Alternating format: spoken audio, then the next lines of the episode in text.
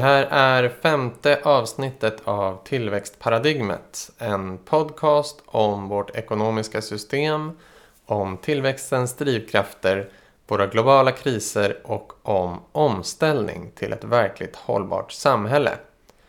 Hannes Enagrus heter jag och podcasten ges ut i samarbete med nätverket Steg 3. Och det här är också den andra delen om att mäta välfärd. I förra avsnittet så pratade jag med Sofie Gripenberg som undersökt flera olika välfärdsmått som mäter olika aspekter av vad ett gott samhälle är. Och I det här avsnittet kommer vi fördjupa oss lite i ett av måtten, nämligen Gross National Happiness, alltså bruttonationallycka, som utvecklats i Bhutan.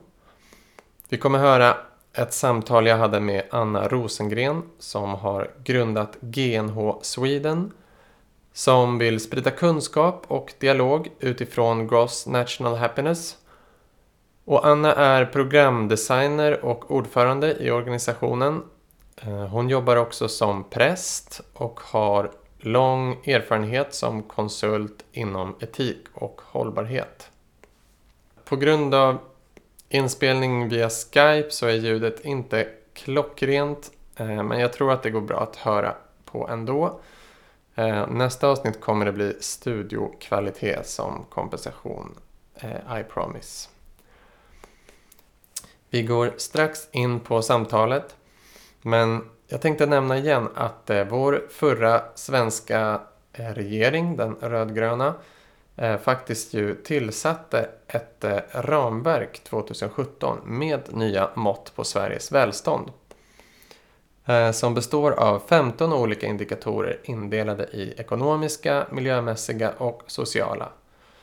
Och tanken är ju då att varje regering ska redovisa hur de här indikatorerna förändras över tid för att få en bättre helhetsbild av hur samhället mår.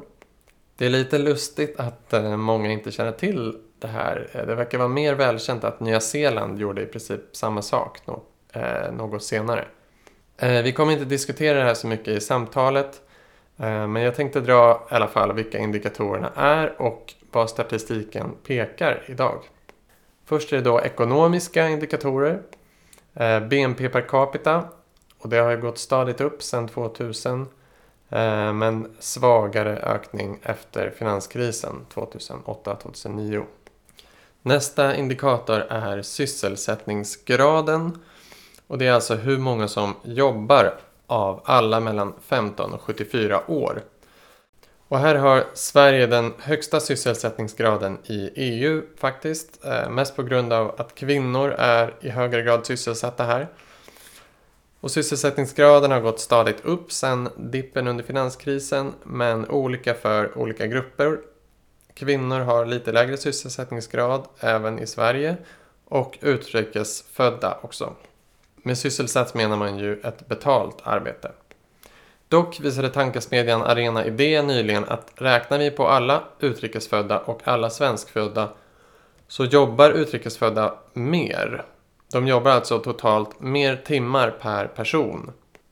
Och eh, det beror till största del på att det är fler personer i arbetsför ålder bland utrikesfödda. Så då räknar man alltså bland alla människor som är antingen födda i Sverige eller födda utomlands. Ja, så de som säger att invandring är en ekonomisk belastning kan ju tänka på det, att utrikesfödda jobbar mer än svenskfödda. Även om det kan ta lite tid ibland så går det ju mycket snabbare för en ung nyanländ att komma i arbete än en nyfödd bebis. Nästa indikator är arbetslöshet. Alltså då är det hur många av de som kan och vill arbeta som inte jobbar. Också i arbetsför ålder 15 till 74 år. Och här finns ju då lite mörkertal. Det här baseras på de som är inskrivna på Arbetsförmedlingen. Och det här gick upp under finanskrisen och har sedan hållit sig på en högre nivå än innan men ändå sjunkit tills idag. Och eh, återigen olika för olika grupper. Långtidsarbetslösa är personer som saknar fullföljd gymnasieutbildning äldre som förlorat sitt arbete och utomeuropeiskt födda och personer eh, med funktionsnedsättning. Ehm, och här är arbetslösheten lite lägre bland kvinnor än för män faktiskt. Sen har vi hushållens skuldsättning och det är alltså andelen av andelen skuld av disponibel inkomst. Och den här har ökat med 100% sedan 90-talet och är nu på i genomsnitt 186% av inkomsten. Och det här, det här sticker ju Sverige ut även om det har ökat i många länder. Det kommer vi prata mer om i senare avsnitt. Sen har vi offentlig sektors konsoliderade bruttoskuld. Och eh, det är skuld som andel av BNP. Och den har sjunkit sedan 90-talet tills nu. Eh, men ökat något sedan finanskrisen och sen minskat igen. Och det här med statsskuld kan man räkna på väldigt olika sätt och vi kommer att prata mer om det senare. Men det är i alla fall en stor skillnad då på att eh, statens skulder har minskat medan eh, privata hushållsskulder har ökat väldigt mycket. Sen har vi då de miljömässiga indikatorerna. Eh, luftkvalitet har förbättrats sedan 2006 skriver man här i den senaste rapporten. Eh, men den är fortfarande över gränsvärdena. Vattenkvalitet. Där har 37 procent av alla sjöar, vattendrag och kustvatten god kvalitet. Och resten är då präglat av övergödning, försurning och miljögifter. Sen har vi eh, skyddad natur, eller biologisk mångfald. Ja, man mäter det i skyddad natur helt enkelt. Och det är 11 procent av Sveriges landareal var skyddad 2017, vilket är lite högre än på 90-talet. Men det här redovisas inte i den senaste rapporten för att de håller på att ta fram något nytt sätt att räkna. Kemikaliebelastning. Här lyfter man fram eh, miljöföroreningar i bröstmjölk. DDE, PBDE, dioxiner och PCB. 153. Och fråga mig inte vad de där ämnena är. Eh, då har vi tagit in en kemikalieexpert istället. Eh, trots förbud av giftiga kemikalier så återfinns alltså de här ämnena i bröstmjölk. Men de har minskat från 90-talet tills idag. Och sist då, bland miljömässiga indikatorer har vi utsläpp av växthusgaser som har minskat med 25% sedan 90-talet. Men det här är ju utsläpp inom Sveriges gränser och utsläpp från markanvändning och skogsbruk ingår heller inte i det här. Och tittar vi på utsläppen från konsumtion är utsläppen högre och bilden ser helt annorlunda ut. Eh, och där finns också olika sätt att räkna som vi kommer titta mer på. Sen har vi de sociala indikatorerna. Det första är låg ekonomisk standard. Det räknar man som lägre disponibel inkomst än 60% av medianinkomsten. Och det här innebär hög risk att hamna i relativ fattigdom, som man kallar det, och inte kunna delta i samhället som andra. Eh, relativ fattigdom påverkar välbefinnandet enligt väldigt mycket forskning. Och den här andelen av hushållen har mer än fördubblats sedan 1995. Från 7% till 15%. Och särskilt utmärkande ensamstående kvinnor. Sen har jag självskattat allmän hälsa. Där man då får svara själv på hur bra hälsa man tycker att man har. Och där svarar nästan 8 av 10 att deras hälsa är bra eller mycket bra. Och där såg jag ingen lång eh, tidsjämförelse eh, i den här rapporten. Sen utbildningsnivå. Den har ökat stadigt under 2000-talet. Det blir alltså fler med eftergymnasial utbildning och färre som bara har grundskoleutbildning. Eller förgymnasial utbildning. Och det är då 50% fler kvinnor än män eh, som är registrerade vid universitet. Och sen har vi mellanmänsklig tillit. Hur mycket man litar på andra människor. Runt 60% har hög tillit till andra människor. Kvinnor har högre än män. Unga har sämre tillit än de över 30. Inrikesfödda har eh, lite högre tillit än utrikesfödda. Och ju högre utbildning man har, ju högre tillit har man. Sen har vi den sista indikatorn och det är nöjd med livet. Och där frågar man också folk hur nöjda de är med livet och man får då svara på en skala mellan 1 till 10. Och eh, det här är ganska små skillnader över tid och det varierar lite mellan olika grupper men inte så jättemycket. Eh, 91% svarade 2017 att de är ganska eller mycket nöjda med sina liv. Män var mindre nöjda än kvinnor, unga var eh, lite mindre nöjda än resten. Även ju högre utbildning man har desto nöjdare. Så det var alla indikatorer. Nu känner ni till dem och vad vår regering ska rapportera varje år. Ehm, den kritik mot de här måtten som har varit har handlat om att de inte ger någon vägledning om hur vi gör när det är, är målkonflikter.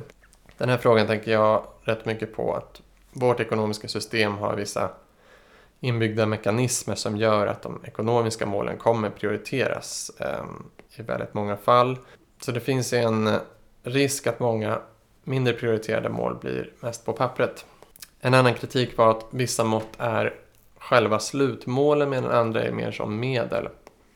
Och eh, att många av måtten är rätt svåra att hålla regeringen ansvarig för då de påverkas av tidigare politik, av omvärlden med mera.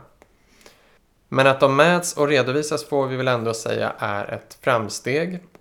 Minus dock att få verkar känna till dem. Ja, ja, eh, nu går vi in på samtalet med Anna.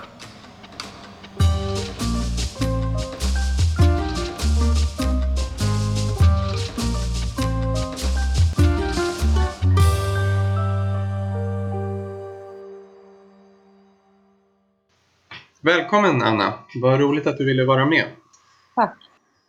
Vill du berätta lite om vad GNH Sweden är och vad din roll i det är? GNH Sweden är en ideell organisation som eh, värnar om egentligen överhuvudtaget holistiska sätt att mäta och upprätthålla välstånd eller välbefinnande snarare då. Mm. Eh, I, specifikt i Sverige men också i dialog internationellt då. Så vi vill främja dialoger mellan ja, människor men kanske främst mellan regioner eh, och länder. Mm. Eh, vi vill främja att det kommer upp i en nivå där det händer någonting, där det blir skillnad.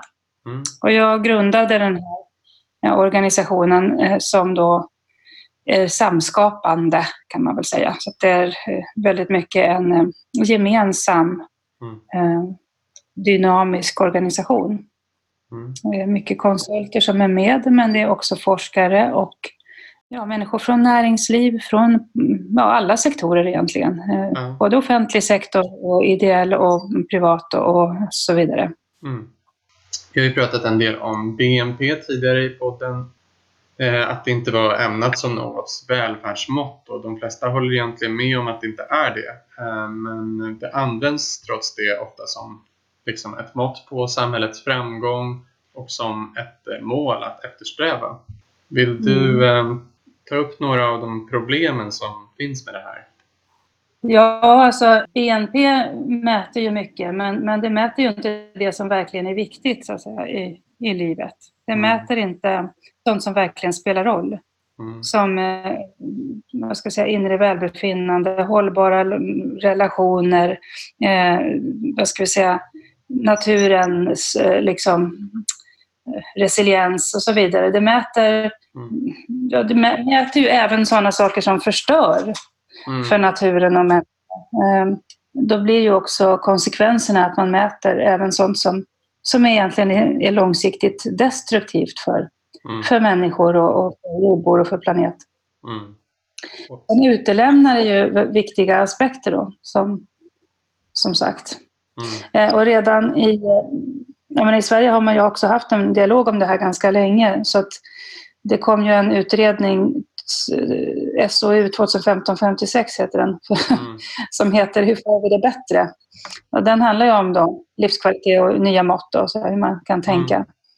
Och sen kom det ett nytt förslag på, på hur man kan mäta välstånd i 2017 års budget. Mm. Och då sa ju Magdalena Andersson, eh, finansministern, att det står också i den här skriften att regeringens reformer de ska ju stärka livskvalitet i bred mening. Mm. Eh, och det gör inte BNP. Så därför så behöver man komplettera. Och vad tycker du om, kanske till...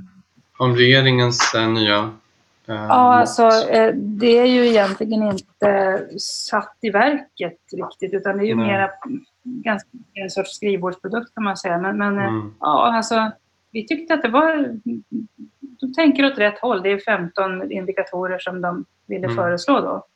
Eh, och det är åt rätt håll. Men vi mm. samlade ju ihop oss då i en sån här pop-up-organisation eh, kring välfärdsmanifestet då, som jag mm. kallar det för. Så skrev vi då eh, en, en skrivelse där vi föreslog vissa områden som vi tyckte att de skulle vässa. Att, ja, men ni är på mm. rätt väg, men ni har inte tänkt på det här. Eh, därför att när det presenterades i Rosenbad så var det ju eh, i panelen eh, representant från offentlig sektor, från privat sektor och från mm. akademin. Men det var inga representanter från ideell sektor och från civilsamhället. Oh ja. Och vi tycker att det som det kallas pentahelix det som kallas för pentahelix då, det är ju, då, ska ju de också vara representerade. Ja, de fem vad ska vi områdena i samhället, penta mm. fem. Då. Så då tyckte vi att vi så vi hade gjort en, en skrivelse eh, som finns på, på nätet på vår hemsida också. Mm, eh, välfärdsmanifestet.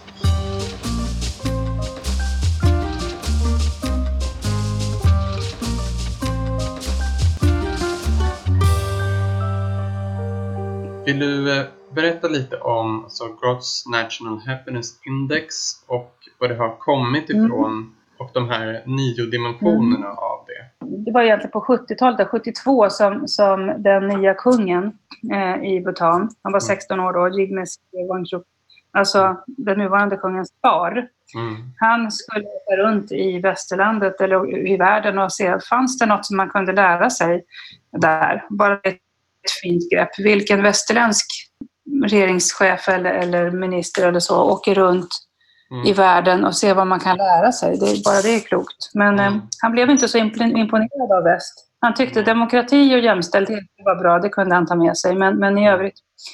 Eh, så vid... Eh, Insiktsfullt av en kung ändå.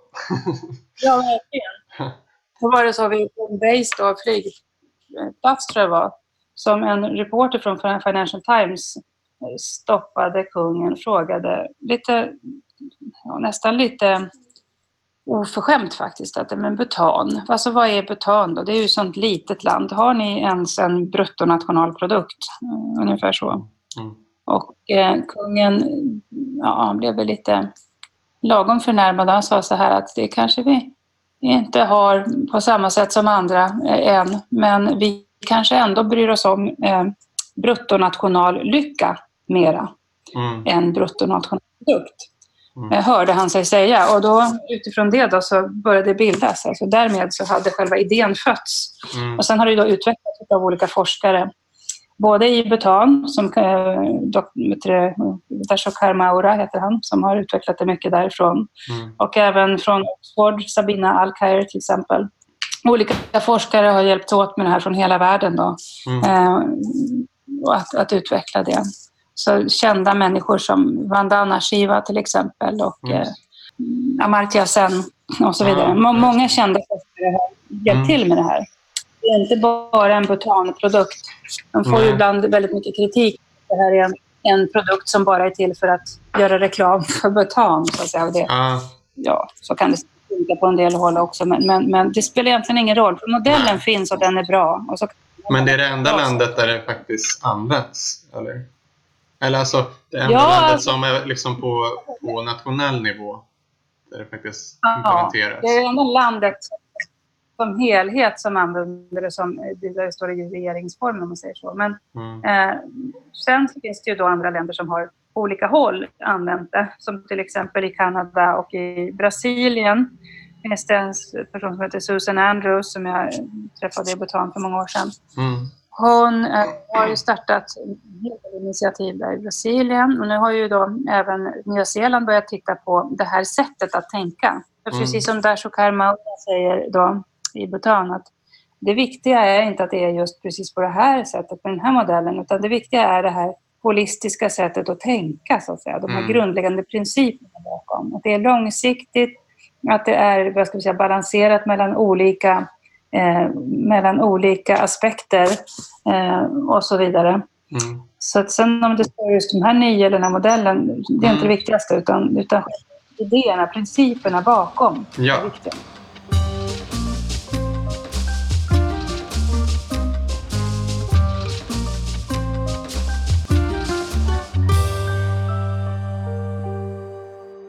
Men om man ändå utgår från de nio dimensionerna Mm. för att visa på hur ett holistiskt mått kan se ut. Liksom. Vad Mm. består det av? Mm, då är det så att i GNH då, eh, nu kommer jag att berätta lite, sä- säga de här olika dimensionerna Mm. mer i vår lite försvenskade tappning så att det Mm. liksom landar in i vår miljö. Eh, och då har vi kallat det för levnadsstandard. Mm. Levnadsstandard är någonting annat än ekonomisk, alltså BNP mäter ju och konsumtion och sådana saker. Men alltså levnadsstandard är ju kan man säga essensen bakom. Mm. Alltså, det är ju inte papperslappar med, med olika eh, kända människor på som är, och vattenstämplar som är själva poängen. Utan det vi är ute efter när vi håller på med, med ekonomi, det är ju Mm. levnadsstandard. Man ska, behöver ju ha en levnadsstandard. Och så finns det fysisk hälsa. Mm.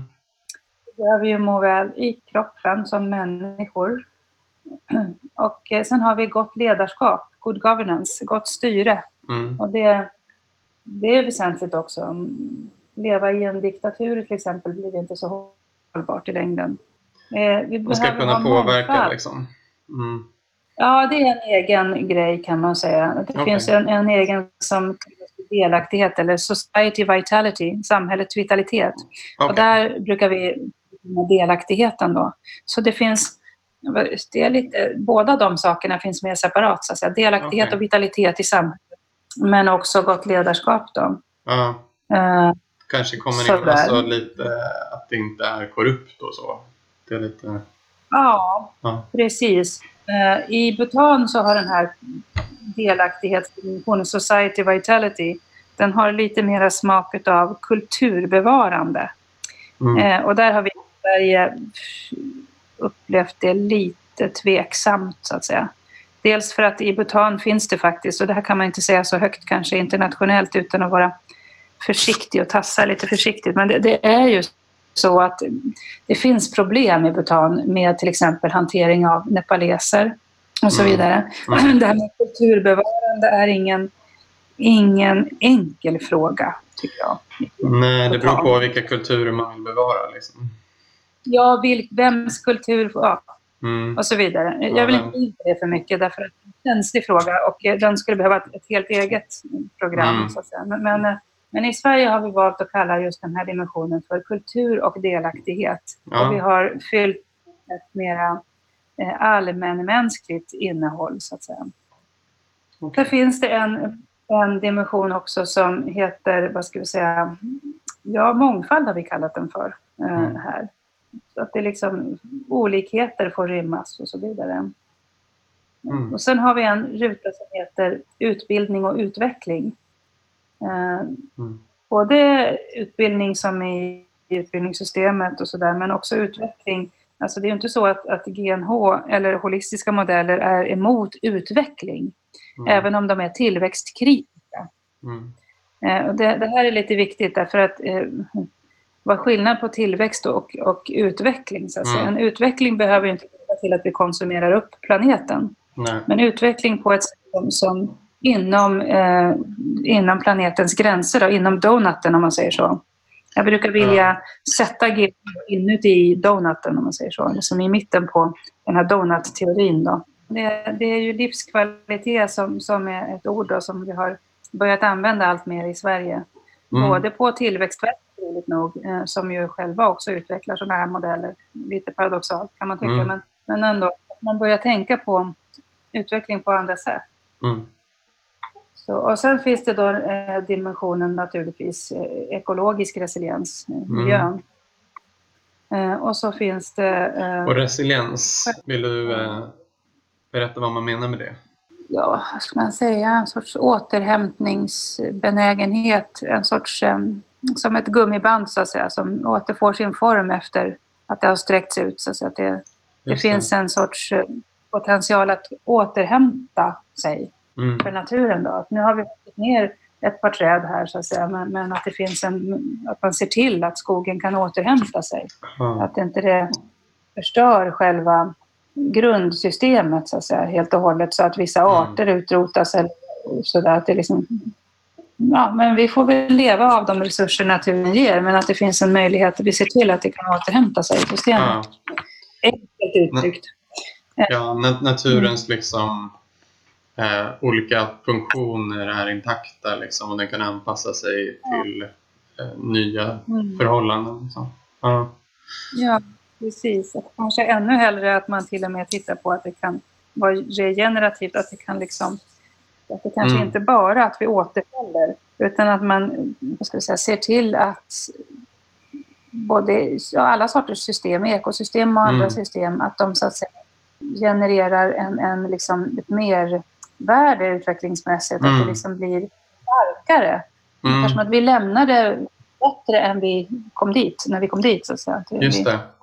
Jag studerade ju mycket kring, resiliens under min masterutbildning och det är liksom. Man kan se resiliens lite ofta som Alltså att man kan tro att det är lite konservativt, att det ska vara bevara som det är. Liksom. Men det behöver inte...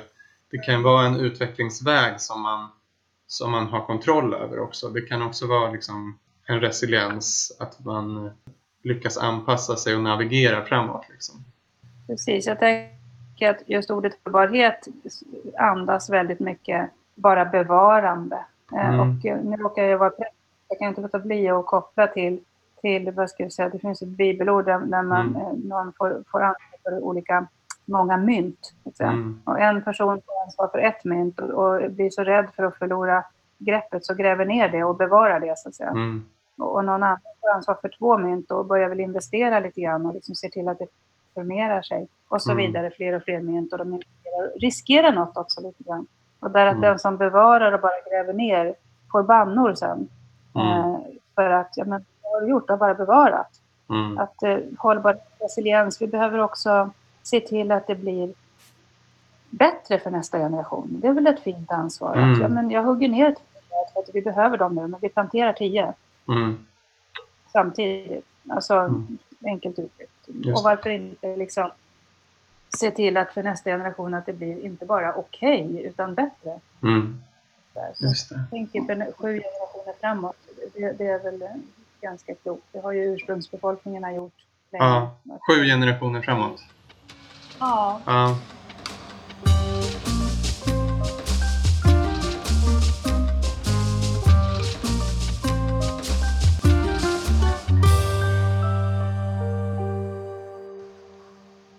det är ju också grunden för de här vishetsdelegationerna som vi har utvecklat nu, eller håller på att utveckla. Mm.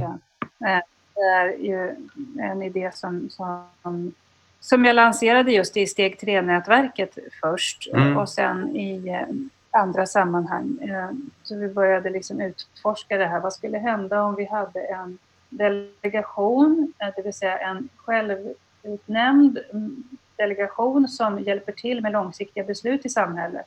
Mm. Som är lite starkare än en tankesmedja, men lite mera friare och dynamisk än en formellt utvald grupp. Och där man liksom in olika röster som annars inte hörs, så att säga. ursprungsbefolkningar, naturens röst, kanske barnens röst, kanske olika mm. röster och ser till att, att eh, till exempel i en region, i en kommun säger vi, man kanske går in och kollar på vilka motioner som skickas in. Man mm. kanske väljer ut något, något väldigt viktigt.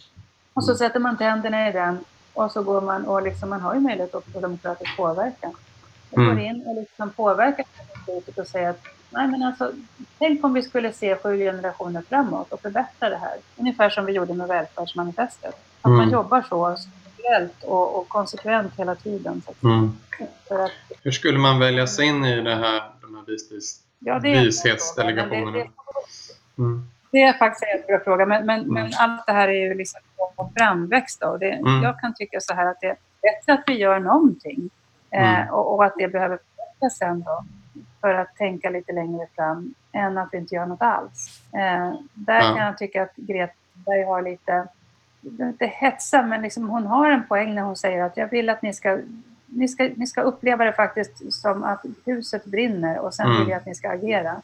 En eh, insikt om eh, allvaret och krissituationen. Liksom. För då kommer det ju leda till att man tar tag i saker snabbare och faktiskt eh, utreder vad som är bäst att göra. Liksom. Ja, det är ju det som är mm. poängen. Alltså, mm. Det här handlar inte om att liksom komma någon sorts färdigt partiprogram på något sätt, utan det här mm. handlar ju om att det som är om. Det är att lyfta frågorna. Mm. Inte att nödvändigtvis på en gång exakt hur vi ska besluta. För Nej. det måste vi ju kanske göra tillsammans då på ett annat sätt och Precis. säkra besluten från flera håll. Men Mm. jag kan uppleva att det är ju inte så idag att, att vi lyssnar på alla röster utan några röster blir tystade. Till Mm. exempel naturens Mm. eh, eh, och barnens röst och så vidare. Vi lyssnar inte alltid på rätt sätt. Och därför så tycker jag att vi ska liksom kunna få en chans att bli lite bättre beslut framöver så behöver vi lyfta in det så att säga. Och, och den, eh, den eh, rörelsen mot att lyssna in fler röster, den tycker jag är ganska akut. Mm. Mm. Jag Har vi en- missat någon eh, dem- dimension? Det har vi.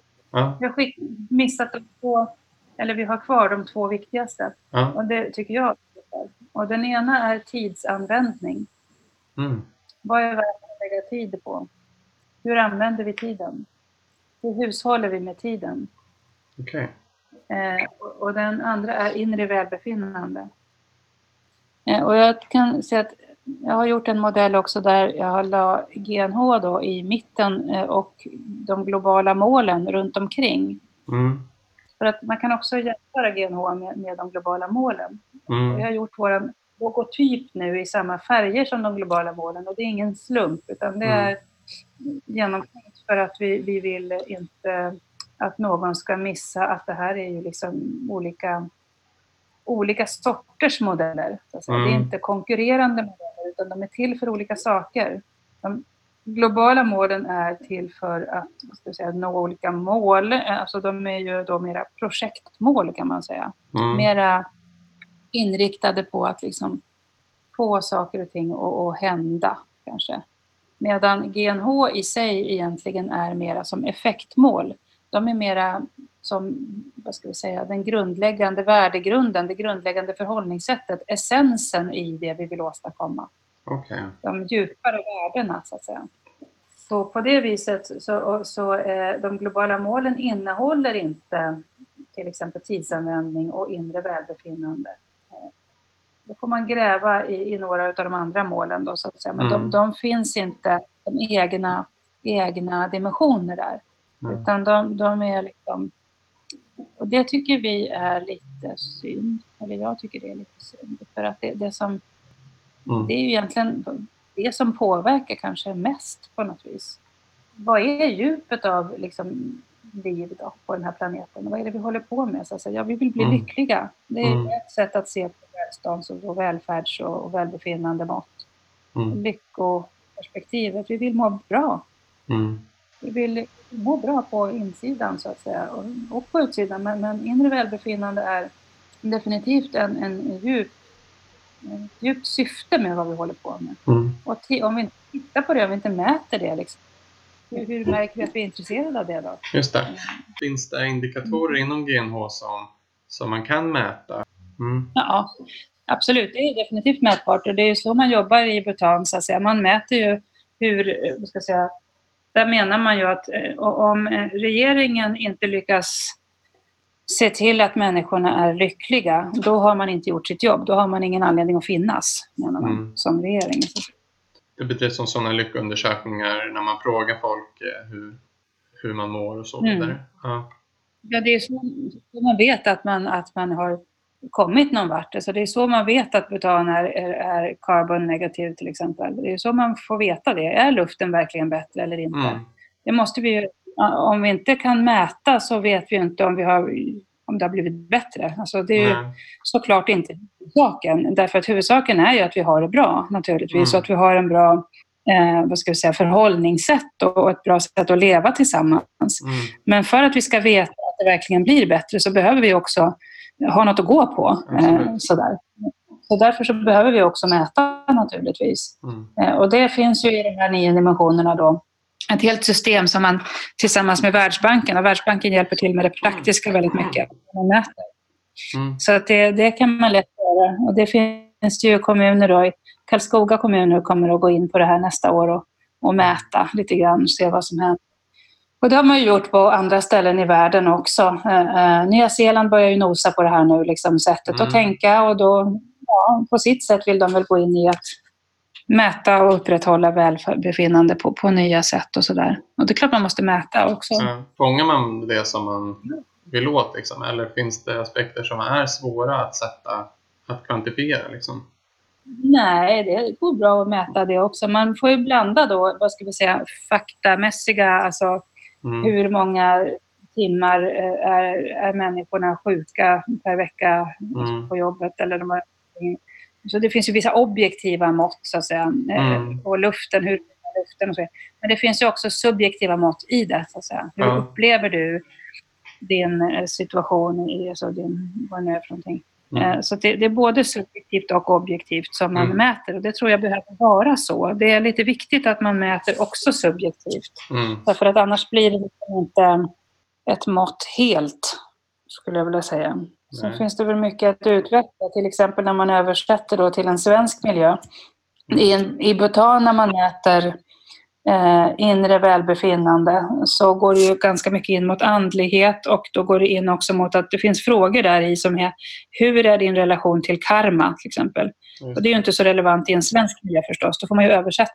Mm. Vad, mm. vad behöver vi fråga? Det är det vi håller på med, att liksom översätta det här mått, mm. de här måtten, de konkreta måtten, innan vi går in på Världsbanken och liksom, mm, mm. ska vi säga, mäta så behöver vi ju också ställa frågorna på mer relevanta vis. Många kanske skulle invända att eh, vissa av de här sakerna är ditt individuella ansvar. Liksom. Att du ska mm. uppnå mm. din egen lycka. Eh, hur ser du på mm. alltså, vad är samhällets ansvar för att vi alla mår bra och kontra vad är individens ansvar? Mm.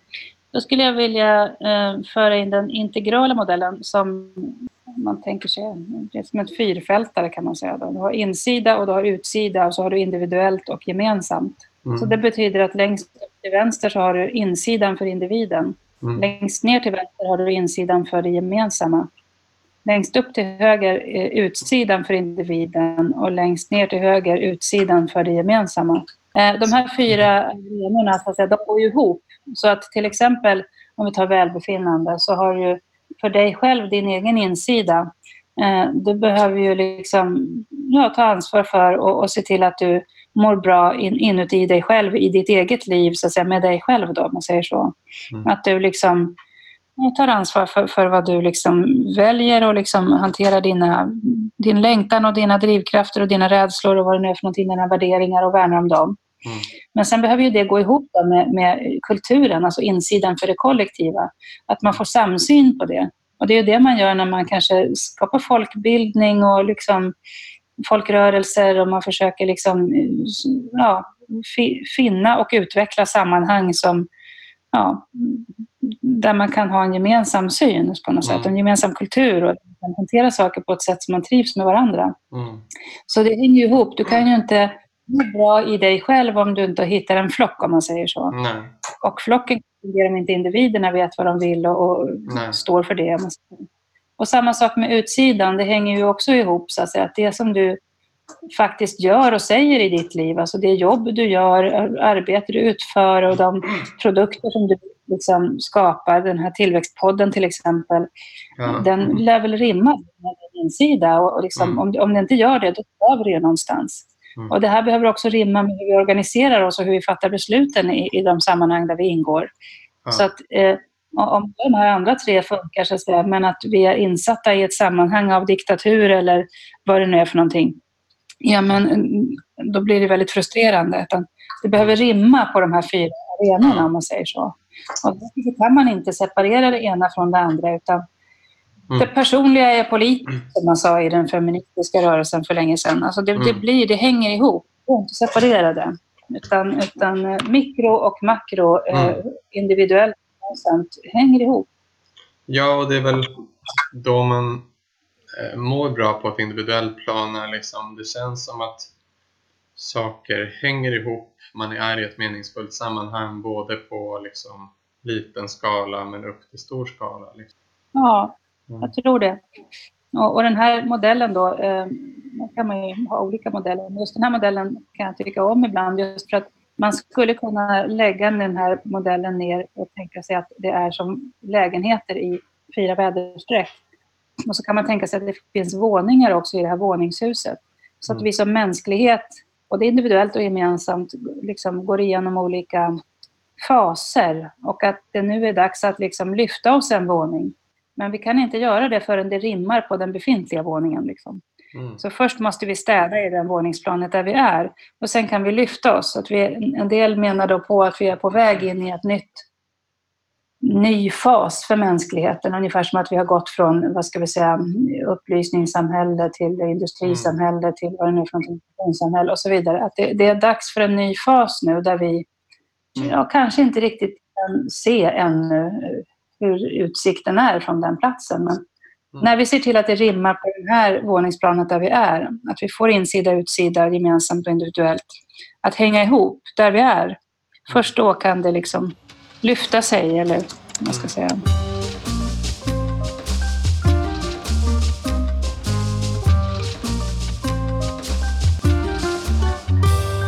Tror du att, ehm, att använda mer holistiska mått leder till att beslutsfattare fattar mer hållbara beslut? Jag tänker att det finns ju mekanismer i, i samhället just nu. Liksom, att folkvalda vill välja välja, alltså vinna väljarnas röster i nästa val. Det finns intressegrupper för olika eh, intressen i samhället som driver på och företag strävar efter, efter vinst. Ehm, och Mm. individer är, ganska inne i liksom sin egen karriär, sitt eget jobb. Hur, hur gör man så att det inte bara blir någonting på papper utan att det faktiskt används och leder till förändring? Ja, två ledord där. Det ena är tålamod och det Mm. andra är dialog. Mm. Alltså, det- behövs mycket tålamod. Därför att vi är inte på alla håll i vårt samhälle, så att säga, ens i Sverige som ändå är ganska homogent. Vi är inte på samma plats, på samma våningsplan. Vi, är, vi har inte fokus i samma lägenhet ens en gång. Mm. Utan vi liksom fastnar på olika håll i våra olika lägenheter. Eh, Och vi fastnar på olika våningsplan och hissen fungerar inte riktigt alltid heller. Så att vi kan förstå varandra. Eh, Så på det viset så tålamod och, och dialog. Att vi behöver mötas i olika sammanhang. Mm. Prata över gränser. Eh, För att liksom hela tiden ställa den här frågan. Hur vill vi ha det då? Mm. liksom, hur får vi det bättre? Hur kan vi liksom leva tillsammans på ett bra sätt? Och hur Mm. kan vi, det är ju politikens grundfråga egentligen. Och den behöver vi ju ställa om och om igen. Mm. Eh, och göra kanske på nya sätt och i nya arenor och så vidare. Och att ha mycket tålamod. Det finns ju många människor i till exempel omställningsrörelsen och i liksom, ja, Mm. som håller på med resiliens och hållbarhet och så, som Mm. ser såklart vad, vad vi skulle behöva göra och hur vi har det. Jag kan förstå att till exempel Greta Thunberg känner sig otroligt frustrerad. Och hur svårt Mm. kan det bli? Mm. Och ja, vi behöver ju ha hela samhällskroppen med oss. Alltså, det behövs vishet i hela samhället, tillit och vishet i hela samhällskroppen. Mm. Därför att annars så blir det liksom, annars blir samhällskroppen som helhet en huvudfoting som springer ifrån vissa delar av sig själv. Mm. Hur tror du att eh, det ekonomiska systemet skulle behöva ändras för att skapa förutsättningar att nå de här målen inom GNH? Svårt att svara på så kort, men jag är inte ekonom här. Men, men det jag skulle säga det är väl att eh, eh, jag tycker nog att eh, det jag sa om de här olika arenorna och att ha en int- integrerad dialog med utgångspunkt från, från eh, till exempel GNHs olika dimensioner och perspektiv. frågor Mm. Det tror jag skulle kunna vara lite viktigt så att säga. För att Mm. ekonomi som jag ser det, det handlar inte liksom bara om någon sorts eh, börsen eller, eller någon sorts vårbudget eller så, utan det handlar om hur vi hushåller med våra resurser i bred mening. Mm. Hur vi liksom hanterar det som är, är våra resurser på Mm. planeten. Eh, Där eh, skulle jag nog vilja se det som att vi behöver ett nytt mindset. Vi Mm. behöver ett nytt förhållningssätt i grunden Mm. till vad är, vad är liksom viktigt att lägga tid på. Och därav dimensionen tidsanvändning. Vad, Mm. vad är egentligen väsentligt så att säga, eh, här? Mm. Och, eh, vi behöver ett nytt mindset som, som ser eh, och värnar om helheten, om hela samhällskroppen. Mm. Eh, och som inte liksom blir för partikulärt enbart, utan som mm. inkluderar det partikulära men går utöver det och kan famna det och se hur man kan integrera allas intressen. Mm. Eh, mindfulness för, för hela samhällskroppen. Mm. Eh, den sortens ekologi. Ja, och vi har pratat om det här att, att, att liksom BNP mäter ju eh, flöden och inte kapitalstockar av olika resurser som naturkapital, socialt kapital, humankapital och sådär. Att liksom, mm. det kan, jag tror att BNP har lett till ett speciellt tänk om hur man ser på resurser. Liksom många tänker sig att ekonomi handlar om saker som säljs, saker som eh, det är bara när saker säljs eh, och utbyts på marknad som att det faktiskt har något värde. Liksom. Och eh, som du sa, att man kan bredda det här med ekonomi till att prata om alla typer av resurser som finns eh, och hur vi använder oss av dem och inte bara det som säljs på en marknad. Ja, inte bara använder oss av utan hur vi värnar om skulle jag snarare vilja säga. Så mm. Jag tror att vi, vi mycket klarnar om vi ser eh, om vi använder ett ord som samhällskroppen, alltså för hela alla jordbor. Vi är, om vi ser det som ett system, ett ekosystem, som en hel kropp.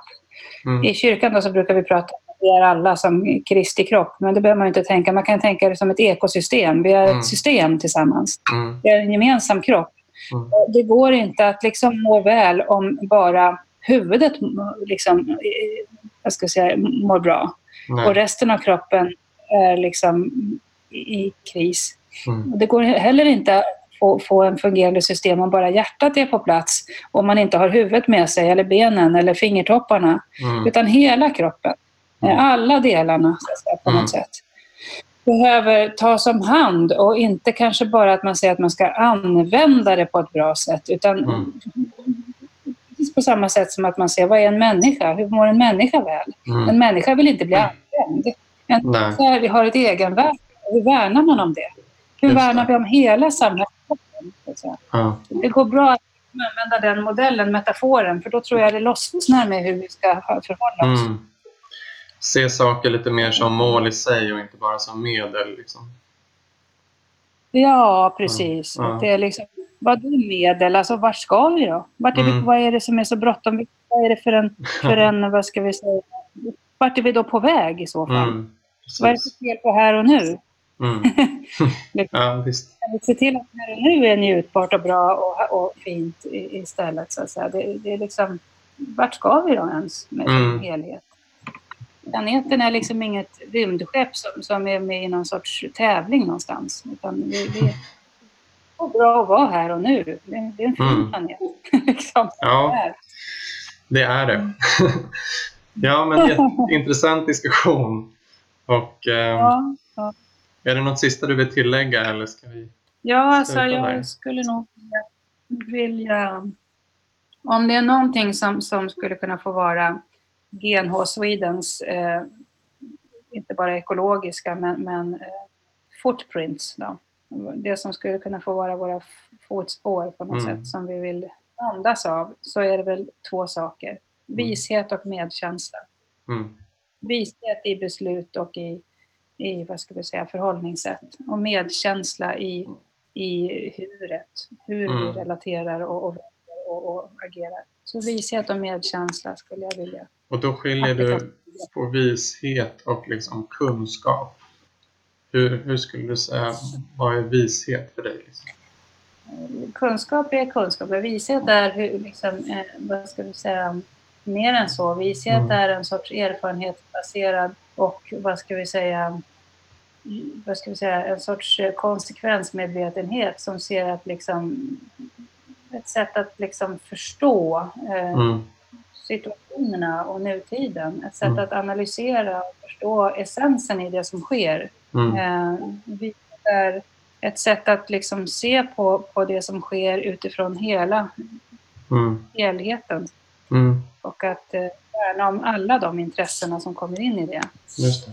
Eh, medkänsla är ju liksom ett slags, eller kärlek om du vill så. Och det är mm. fel på att liksom ta med kärlek i, i hur vi gör saker och ting. Mm. En, en vårbudget kan också vara kärleksfull. Det behöver inte stå just i de pappren, men det kan andas mellan raderna. Mm. Vi står kärleksfull. tycker jag att vi ska. Vishet, kärlek och, och medkänsla. Ja, vishet och medkänsla. Ja, liksom, I det vi, mm. Utan som vi fattar.